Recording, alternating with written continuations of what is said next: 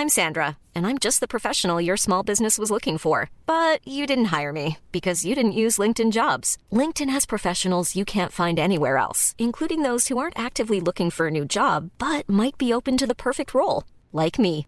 In a given month, over 70% of LinkedIn users don't visit other leading job sites. So if you're not looking on LinkedIn, you'll miss out on great candidates like Sandra. Start hiring professionals like a professional. Post your free job on linkedin.com/people today. Halo pendengar ganteng-ganteng Manchester United Podcast, kembali lagi bersama kita berdua. Ada Saung dan Alvin di sini. Dan setelah kita mengalami tiga kali kekalahan beruntun ya, akhirnya eh, kita mendapatkan kemenangan di Turf Moor di Burnley dengan skor 1-0. Walaupun eh, mungkin ada cukup beberapa ini ya eh, momen-momen yang eh, kontroversial gitu ya. Tapi eh, ya tetap tiga poin adalah tiga poin. Eh, pendapat lo seperti apa, Vin, dengan match kemarin? Iya, jujur sebetulnya gue merasa ya kita semua ya kemarin ketika Hmm. habis lawan Bayern kemudian mau lawan Burnley kita semua berharap bahwa ini adalah pertandingan yang wajib menang gitu. Mau dengan cara apa pun seenggak-enggaknya gitu. Ini pemain ini mental harus diselamatkan gitu. Dan juga para fans juga harus diberi kepercayaan lagi bahwa memang MU ini masih on track gitu. Dan em, kemarin tiba-tiba satu jam sebelum kick off ketika diumumkan pemain yang bermain itu kita semua kaget ketika ada kabar Lisandro Martinez ternyata cedera.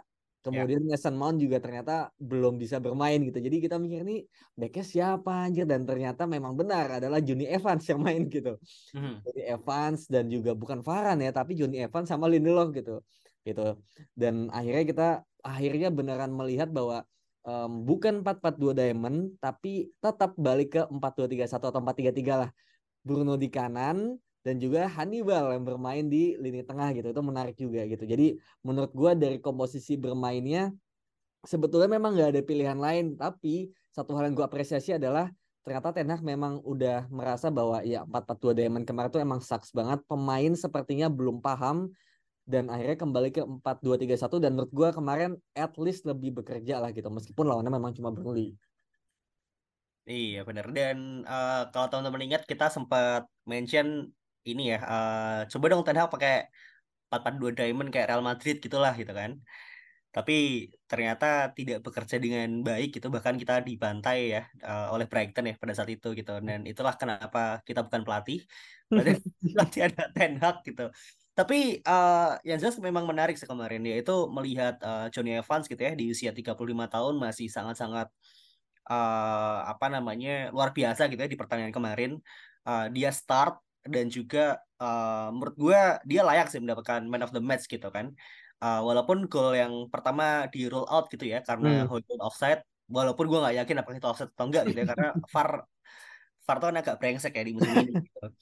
Dan eh, tapi asisnya dia ke Bruno tuh sangat-sangat luar biasa sih menurut gue itu itu golnya Rudy van Persie banget ya Iya iya.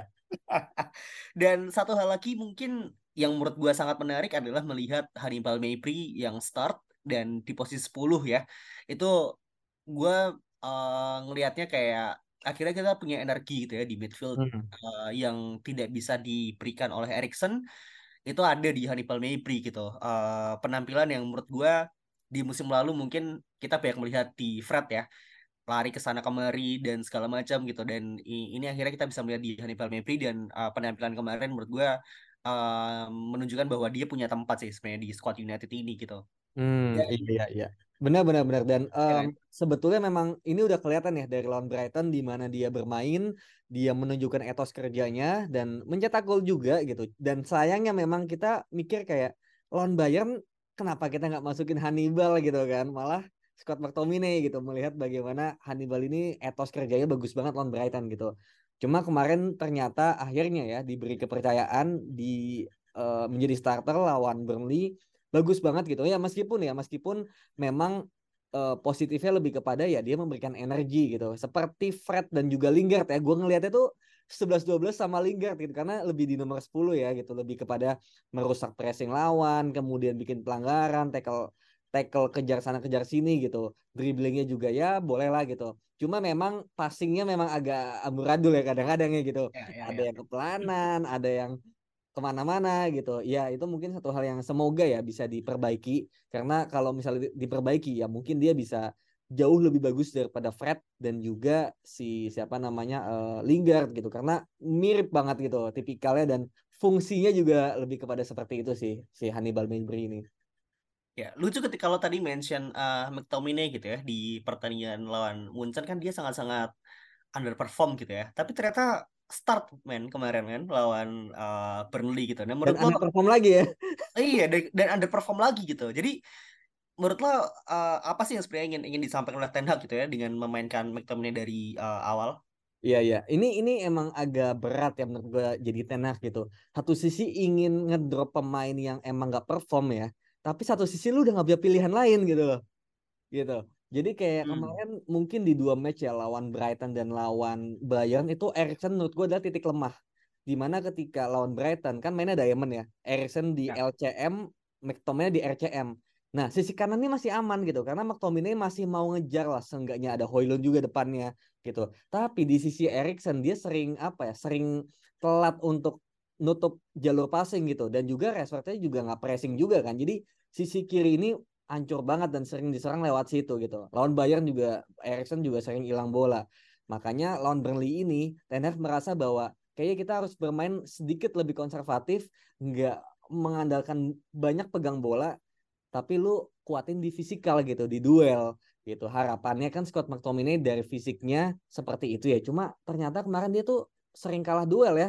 Mau itu duel udara atau ground duel itu kayak menurut gue dia punya atributnya tapi kok tidak berenergi gitu loh. Jadi gue kecewa yeah. gitu kayak gue kan dipasang kan untuk itu gitu loh. Kalau lu nggak bisa passing gue masih bisa ya emang lu bukan jagonya di situ gitu. Tapi kalau lu untuk kelebihan lu aja lu nggak bisa perform gitu untuk fungsi yang seharusnya lu bisa tunjukkan itu yang menurut gue kayak anjir gue sampai ngatur gitu ini Scott McTominay bagusnya apa ya? gitu. Saking gue tuh udah marah banget ini apa ya? gitu sih ya menurut gue memang uh, dia kayaknya di kepalanya udah gini udah nggak di United lagi sih gitu. Apalagi dengan di Bayern kayaknya ya kayaknya kepalanya. Apa? Dari Bayern Munchen kayaknya ya. Iya benar apalagi kan makanya ketika kita uh, apa namanya take yang waktu bursa transfer gitu ya ketika dia ditawar oleh West Ham 30 juta uh, kita sama kan concernnya adalah United ini bisa ngelepas atau enggak gitu kan. Nah pada saat itu emang harusnya dilepas aja men gitu. Karena ini pemain itu pertama uh, enggak bagus-bagus banget gitu ya untuk uh, starting tapi juga sebagai squad dia juga rata-rata gitu dan ketika dia ditawar 30 juta oleh uh, West Ham ya harusnya dilepas gitu nah karena enggak dilepas ya jadinya seperti ini gitu dia udah nggak komit lagi sih menurut gue gitu. Nggak komit Apalagi karena itu. mungkin dia merasa nggak jadi pilihan utama dan jadi pilihan sekian dia apa ya kan Oleh juga bilang ya apa namanya hmm. kayak ada pemain-pemain yang dia nggak mau main gara-gara dia mau pindah gitu gitu sih. Ya dia mikir dia bagus lah di kepalanya gitu kan. Hmm. Makanya ketika Amrabat datang uh, dia merasa kayak wah gue udah nggak punya tempat lagi nih gitu seolah-olah kayak ya udah selesai gitu karirnya di United. Tapi kan uh, apa ya lo masih digaji gitu oleh United gitu kan jadi ya lo harusnya tetap perform gitu nah Amrabat juga uh, gue juga cukup uh, kaget ya ketika dia dimainkan kemarin uh, dia dibawa dia nggak starting gitu kan malah justru McTominay tapi ketika dimainkan malah justru main di left back yang gue belum pernah bahkan melihat Amrabat di left back gitu kan hmm. dan ini juga uh, apa ya semakin semakin semakin bikin pusing sih karena kita udah nggak punya siapa-siapa lagi kan di back kiri kita gitu. Jadi yeah. kayak apakah kita akan tetap melihat Amrabat di situ yang gua nggak tahu apakah dia bisa atau enggak atau ya kita tetap harus melihat McTominay dengan uh, kepalanya yang nggak tahu di mana di midfield. Jadi kayak lo melihat uh, ke depan ini nanti squad United akan jadi seperti apa, Vin? Melihat uh, dari pertandingan Burnley kemarin. Iya ya, uh, masalah Amrabat dan juga dia dimainkan di back kiri kan lebih kepada karena si Regilon ini uh, pegangin hamstring kan. Itu gue udah, waduh, udah udah pegangin paha nih, udah pincang-pincang gitu kan. Gue udah, betul, udah tahu nih ini kena hamstring nih gitu. Dan hamstring itu biasanya juga apa ya, nggak nggak sebentar gitu, ya nggak lama banget juga, cuma uh, several weeks lah gitu. Dan itu kan big loss lah menurut gue, karena dia lagi uh, bagus banget mainnya dan kita juga pemainnya back sayap udah cedera semua nih tinggal sisa Diogo Dalot doang nih gitu ini kalau Diogo Dalot hmm. cedera selesai lah kita gitu gitu jadi menurut gue um, ada gue pernah baca sebuah analisis gitu di Twitter katanya Ten Hag pernah bilang Amrabat itu selain di gelandang dia bisa main di fullback gitu tapi oh, memang kalau iya cuma emang kita nggak pernah lihat gitu karena selama ini selalu di gelandang cuma mungkin ini fullback ketika dulu di Utrecht kali ya gitu uh, mungkin di back uh, sayap kanan gitu. Cuma kemarin karena urgen apa urgensinya di sayap kiri, uh, back sayap kiri akhirnya dimainkan di situ gitu. Mungkin bukannya elit ya, bukan yang bagus banget tapi lebih ke ya at least dia bisa mengisi kekosongan lah gitu. Itu satu sisi menurut gua menjadi poin plus ya di mana uh, Regilon cedera, semuanya lagi cedera dan ada pemain yang versatile itu jadi poin penting sih. Kalau Regilon benar-benar cedera, ya mungkin Amrabat ya di bek kiri atau Amrabat di kanan Dalot ke kiri gitu itu bisa juga atau Dalot ke kiri bek kanannya Lindelof gitu ya gue nggak tahu ya karena mungkin tengahnya bakal uh, Varane dan juga Johnny Evans lagi mungkin gitu tergantung match menurut gue dan uh, kita kan match bakal main tiga hari sekali ya gitu sampai next international break gitu jadi menurut gue uh, nggak ada yang tahu persis nantinya bakal seperti apa tapi yang pasti utak atiknya itu at least sekarang udah lebih apa ya lebih aman lah gitu karena Amrabat udah lebih full sih lebih apa fit maksudnya Ya, ya, ya. Dan uh, kalau ada satu pemain yang uh, lo kritisi, Vin, dari pertandingan semalam, uh, siapa kira-kira? Ya, di match pemain... Munchen kan kita Onana tuh, sepakat kan? Kalau kemarin Onana uh, oke okay lah menurut gue ya. Uh, dia tampil cukup solid sih uh, kemarin gitu. Jadi mungkin di episode kali ini dia lolos lah uh, dari kritikan gitu. Tapi kalau kemarin siapa? Kemarin gue kecewa sebenarnya sama dua sih, uh, Scott McTominay dan juga Rashford sih gitu. Gitu. Okay. Uh, kalau Scott McTominay kita udah bahas tadi. Nah, Rashford ini sebetulnya apa ya? Gue melihat apa ya dia tuh nggak tenang aja sebetulnya gitu. Ini mirip sama dia di musim di mana uh, eh, dipegang oleh ya pas apa namanya kita masuk ke final Europa League. Itu kan performa dia di musim itu kan jelek parah kan gitu. Dan ini tuh nggak sejelek itu sih, cuma apa ya mengingatkan gue pada momen itu di mana Rashford ini ketika bobola tuh dia nggak tenang, dia nggak decision makingnya jelek, dan juga terlalu cepat gitu ngambil keputusan kayak lu masih bisa apa ya kalau bahasa di Twitter ya istilah itu pausa gitu. Lu kasih uh, jeda beberapa detik untuk berhenti untuk kasih kesempatan pemain itu masuk dulu gitu. Nah ini tuh enggak gitu. Kayak kemarin tuh di menit-menit awal ketika kita bisa pressing tuh ya terus Hannibal kasih ke Rashford. Ya. itu menurut gue dia bisa tahan sedikit gitu untuk mencari celah atau nunggu pemain lain tuh masuk ke kotak penalti. Tapi dia malah langsung buang ke kiri terus langsung shoot gitu dengan sudut yang sangat-sangat sempit gitu. Kayak lu tenang dikit aja gitu. Lu lu nggak mesti pengen langsung bunuh bunuh peluang pada saat itu juga gitu loh. Lu bisa tahan sedikit untuk dapetin timing yang lebih bagus gitu loh. Jadi ya itu part of decision making There's never been a faster or easier way to start your weight loss journey than with PlushCare PlushCare accepts most insurance plans and gives you online access to board-certified physicians who can prescribe FDA-approved weight loss medications like Wigovi and Zepbound for those who qualify. Take charge of your health and speak with a board-certified physician about a weight loss plan that's right for you. Get started today at plushcare.com slash weight loss. That's plushcare.com slash weight loss. plushcare.com slash weight loss. There's never been a faster or easier way to start your weight loss journey than with PlushCare PlushCare accepts most insurance plans and gives you online access to board-certified physicians who can prescribe FDA-approved weight loss medications like Wigovi and Zepbound for those who qualify. Take charge of your health and speak with a board-certified physician about a weight loss plan that's right for you. Get started today at plushcare.com slash weight loss. That's plushcare.com slash weight loss. plushcare.com slash weight loss. Juga composure ya gitu.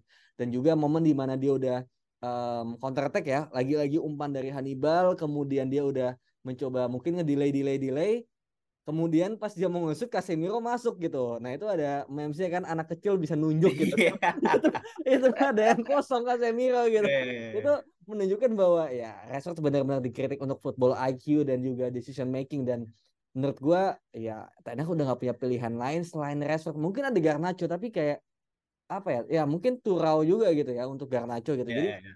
nggak yeah. ada pilihan men gitu. Susah Ya gue gue sepakat sih soal Rashford gitu dan kalaupun misalnya diganti karena Garnacho juga kayaknya juga nggak akan menyelesaikan masalah gitu karena uh, decision makingnya kan hampir 11-12 ya. Bener. Satu pemain gitu. Pasti mereka akan kayak ya udah gue puas sendiri gue golin sendiri gitu.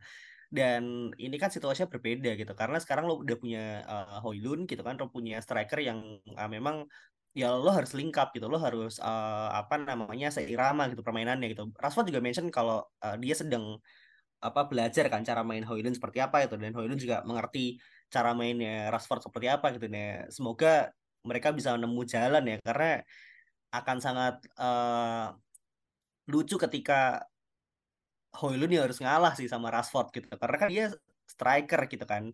Dan gue sempat lihat ada beberapa statistik di mana uh, Rashford di pairing sama beberapa striker yang yang main sama United. Kayak uh, Cavani kayak uh, siapa namanya Ibra Rooney uh, bahkan Weghorst gitu. Weghorst bahkan di di Belanda dia gacor kan gitu tapi dia nggak pernah cetak gol sama sekali gitu ya karena sayapnya Rashford men. Dia nggak pernah mau passing gitu kan. Dan ini yang harus harus diperbaiki sih sama Rashford gitu. Karena lo gak akan bisa jadi pemain kayak siapa ya kayak Mbappe lah kasarannya gitu. Kalau misalkan lo nggak mau uh, belajar passing gitu kan ke pemain yang memang uh, bisa cetak gol gitu di di tim tersebut gitu. Kayak ya Mbappe mungkin gak akur sama Neymar sama Messi gitu tapi kalau misalkan mereka kosong tetap di passing kan. Jadi hmm. itulah yang membedakan uh, Rashford sama Mbappe yang menurut gue gitu. Dan oh dan, uh, dan uh, ya nambahin dikit Rashford gitu. Selain daripada masalah decision making dan juga nggak uh, mau passing ya menurut gue kemarin yang gue yakin gak cuma gue gitu gedek banget itu adalah di menit ke 10 men.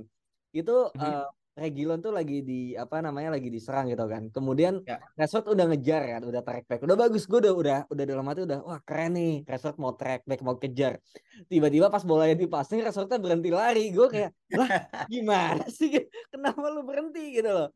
Gitu dan kemudian ketika dia berhenti dia tuh ngangkat tangannya kayak apa ya kayak protes gitu. Gue nggak tahu mungkin salah paham ya sama Regilon ya karena Regilon sempat nunjuk gitu loh nunjuk. Mungkin kayak lu jaga sana gitu. Tapi tiba-tiba berubah gitu. Itu kan miskomunikasi ya gitu. Dan yeah. itu hampir bikin kita kebobolan karena uh, sundulannya bagus dan untung ya Onana bisa nepis bola gitu loh. Gitu hmm. itu kalau misalnya kebobolan ya itu pasti jadi bahan lagi tuh untuk uh, kritikan gitu. Jadi menurut gua masalah pressing ini tuh penting banget. Jangan sampai lu tuh apa ya kayak merasa lu nggak mau pressing gitu. Karena tadi gue baru nonton pertandingannya Liverpool nonton pertandingan Arsenal Tottenham itu semua pemain itu bener-bener satu tim pressing semua men gitu loh. Bahkan apa yang yeah. Muhammad Salah Luis Diaz gitu kayak anjir ini mainnya bagus banget ya. Pressingnya bener-bener tertata rapi terstruktur semuanya maju. Jadi gak ada celah buat tim lawan tuh bisa ngoper. Eh kemarin lu lihat Burnley bisa 70% men gitu. Itu malu men sebenarnya men gitu Ini kayaknya pemain United nontonnya pertandingan Chelsea sih, jadi ya begitu ya. Tapi kalau tadi lo mention tentang uh, permainannya Burnley gitu ya, Burnley mungkin uh, sangat dominan gitu di pertandingan kemarin dia bisa cet apa uh, mencatat 70% possession gitu kan uh, lawan United. Tapi menurut lo sendiri apakah uh, justified gitu dengan pertandingan United kemarin dan dengan hasil yang diraih gitu? Karena kalau menurut gue kayak uh, eh, gue masih belum bisa menilai pertandingan United selama masih ada tiga pemain starting yang cabut sih dari uh, squad gitu yang belum bisa bermain gitu kan karena kayak apa yang dilakukan Ten Hag sekarang itu ya itu yang terbaik yang bisa dilakukan kayak gitu hmm. sih menurut iya, gue iya. gitu. Iya, gue gue gue sepakat sih gitu. Dan ini juga memang pada akhirnya sesuai apa yang kita semua kita bertiga itu bicarakan ya, terutama setelah lawan Brighton.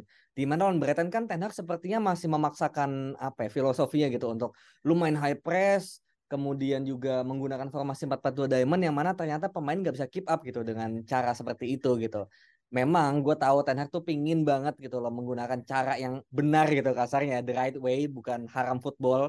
Cuma ketika pada akhirnya kita dilanda banyak cedera, banyak absen pemain di luar cedera juga gitu. Kemudian banyak masalah-masalah lain juga gitu. Jadi menurut gue sekarang Tenah masuk ke plan emergency gitu loh. Di mana lu udah nggak bisa maksain semuanya itu dan akhirnya kemarin ya kita haram football man menurut gue. Onana berkali-kali long ball ke depan. Dan ketika build up, Onana pegang bola, itu kan pemain lawan udah pasti nggak akan ngepres dong. Karena lu ngapain ngepres Onana, nggak akan bisa juga di press gitu. Onana akan selalu punya cara untuk keluar dari press gitu. Makanya dia nggak pernah di press gitu. Nah, masalahnya ketika Onana pegang bola, pemain kita juga nggak ada yang membuka jalur passing gitu loh. Jadi Onana hmm. juga bingung mau ngoper ke mana gitu. Itu yang gue kecewa. Kayak kok pemain pada stuck diem bener-bener diem mematung gitu. Dan akhirnya ujung-ujungnya Onana long ball. Dan ketika long ball, pemain kita tahu sendiri nggak mau duel gitu kan. Gitu jadinya hilang lagi. Dan kita mengandalkannya apa coba? Second ball. Dan untungnya kemarin uh, kita sering menang juga ya second ball. Jadi kita uh, mengandalkan hal-hal seperti itu. Dan ini udah cara paling emergensi dan cara mainin McTominay pun ya ini karena emergensi main gitu. Kalau nggak emergensi gue yakin yang dimainin pasti Erikson.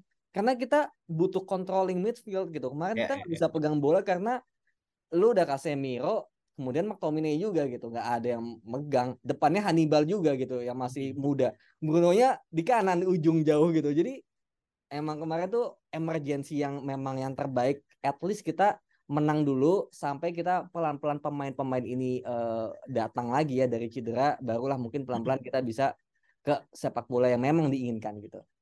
Ya, ya. ini uh, United akan uh, lebih pragmatis ya mungkin ya di beberapa ya. match depan gitu. Uh, mungkin ala-ala Mourinho lah apalagi kalau misalkan uh, lawan sama tim yang possession kan Mourinho kan sempat bilang kan ya lo mau passing-passing sampai mau lo bawa tuh bola pulang juga yang penting gue dapat tiga poin kan. Iya iya tapi iya. yang jelas uh, pertan per apa permainan United ini akan menurut gue akan tidak jauh berbeda gitu ya di match-match setelahnya. Karena ya ini tadi gitu kita masih nunggu beberapa pemain untuk uh, sembuh dari cedera gitu. Karena gue sempat baca uh, ternyata dari bulan Januari ya itu dokternya nggak ada men. Hmm. ini kan goblok banget ya. Ini konyol banget sih karena lo kok bisa gitu uh, sebuah klub itu nggak punya dokter gitu loh. Sampai akhirnya ada 12-13 pemain cedera itu menurut gue sangat-sangat konyol sih. Jadi uh, jangan harap United sukses uh, seperti tim-tim lain gitu ya. Kalau misalkan dari manajemennya dari uh, strukturnya dari ownershipnya tuh masih nggak jelas gitu ya masih Glazer kayaknya akan akan sangat sulit sih. Karena hal sesimpel itu aja kayak kita masih masih apa ya masih kacret lah ibaratnya gitu. Udah hmm. pertanyaan selanjutnya lawan uh, apa namanya Crystal Palace gitu ya. Kita akan mempertahankan uh, gelar Carabao Cup ini. Menurut lo apa yang bisa diharapkan Vin dari pertandingan lawan Crystal Palace besok? Iya, yang diharapkan sebenarnya ya kita tuh pinginnya kan MU main bener ya, seenggak-enggaknya gitu. Kita main bisa build up, bahkan tadi gue nonton Tottenham lawan Arsenal Tottenham itu build apa jauh lebih bagus daripada kita main dan itu gue sedih jujur nontonnya gitu. Karena Tottenham ini baru banget uh, apa ganti pelatih itu baru musim ini tapi patternnya langsung kelihatan gitu loh. Dan kita udah dua musim tapi masih apa ya masih mengandalkan beberapa pemain tertentu untuk bisa build up. Contohnya ya Lisandro Martinez gitu. Kita nggak ada Lisandro Martinez udah selesai aja kasarnya gitu ya. Nggak seluas itu dalam build up gitu. Jadi um, gue merasa kenapa struktur kita tuh belum sebagus itu dan gue berharap gitu nantinya ketika lawannya juga udah lebih apa ya lebih bisa dihandle lah ya nggak kayak kemarin Arsenal, Tottenham, kemudian Brighton, Bayern gitu. Sekarang udah Burnley, Palace. Nanti kita hari Sabtu kita mainnya Palace lagi di home lagi di Liga Inggris gitu. Dan nanti nantinya udah lebih lebih apa ya lebih bisa lah di apa dikalahkan lah gitu gitu pertandingan pertandingan yang mid kelasnya gitu. Jadi menurut gue main bener dulu aja gitu. Dan juga harapannya sih nggak ada yang cedera ya gitu. Karena kayak tiap pertandingan tuh pasti ada aja kabar pemain baru yang cedera gitu. Meskipun ada kabar pemain yang cedera tuh balik gitu. Cuma kayak selalu apa ya kayak tambal sulam ada yang cedera ada yang balik ada yang cedera ada yang balik gitu. Jadi gua harap tuh nggak kayak gitu gitu. Dan juga ya kita bisa menang lah udah pasti ya gitu. Kita menang kita manfaatin peluang gitu. Dan mungkin gue mau melihat adanya rotasi sih rotasi yang mana hmm. semoga tidak mempengaruhi permainan ya gitu sih. Kira-kira siapa yang bisa kita uh, expect ya akan lihat di pertandingan besok gitu? Siapa yang kira-kira akan masuk starting lineup gitu? Menurut gue Amrabat sangat mungkin ya untuk bermain gitu.